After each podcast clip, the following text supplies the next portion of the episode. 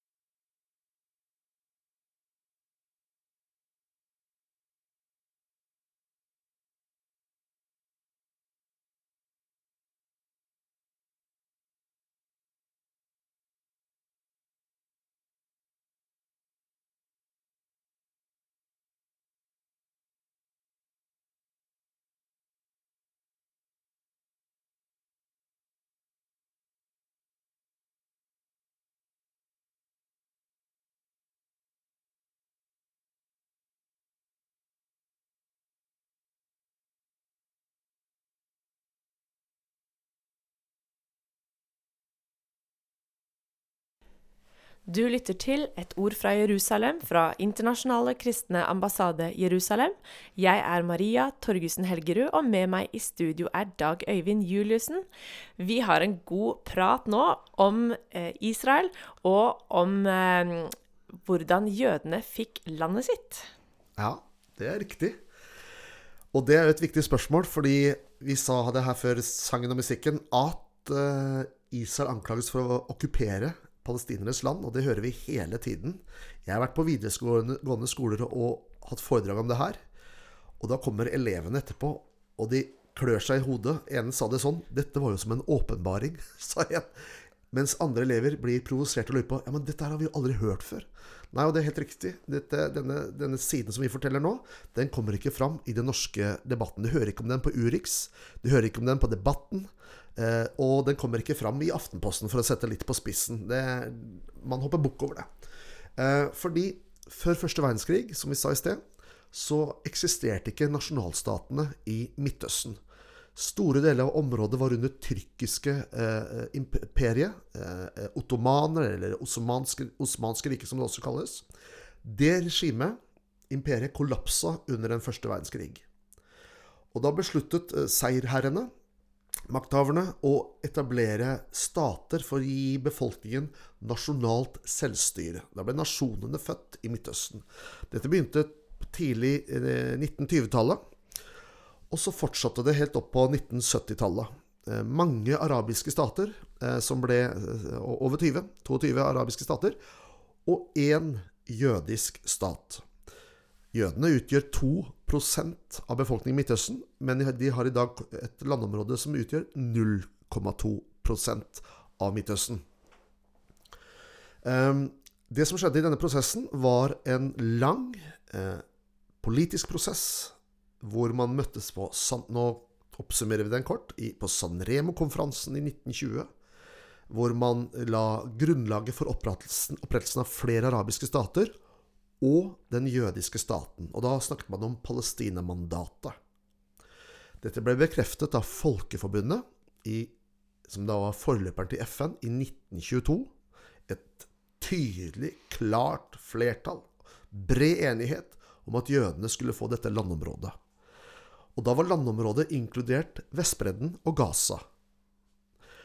Og så gikk prosessen framover. Britene fikk mandatmakten og skulle da opprette et hjemland for det jødiske folk eh, i, eh, i, i, dette området.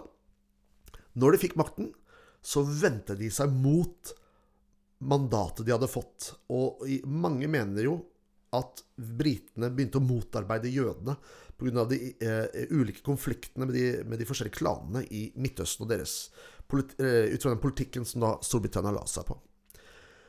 Og så trakk de seg ut av eh, dette området i 1948. Og da så så jødene sin anledning til å opprette staten Israel.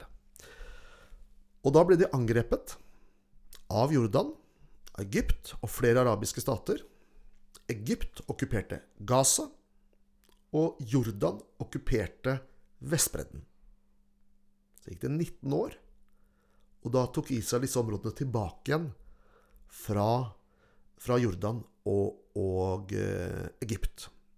Så Egypt, altså, eller Vestbredden, har vært ulovlig okkupert, men da av jordanerne og ikke av Israel.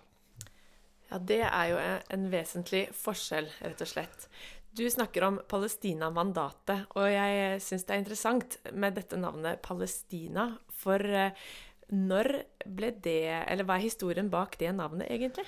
Det går, tilbake nesten 2000 år, da keiser Hadrian i år 133 etter Kristus fordrev jødene. Og for å bryte forbindelsen mellom jødefolket og landet, så gikk han inn i historien og så på filisterne, som jo var Isas liksom verste fiende. Goliat var en filister de holdt til i Gaza-området. Det var et egeisk folkeslag som, som slo seg ned der. Eh, han satte navnet Filistea, som hadde sitt opphav fra filisterne. Filistrene levde ikke på den tiden, de var utdødd som folkeslag. Men nettopp for å håne jødene, så satte han navnet Filistea, som i dag er Palestina, på jødenes eget hjemland.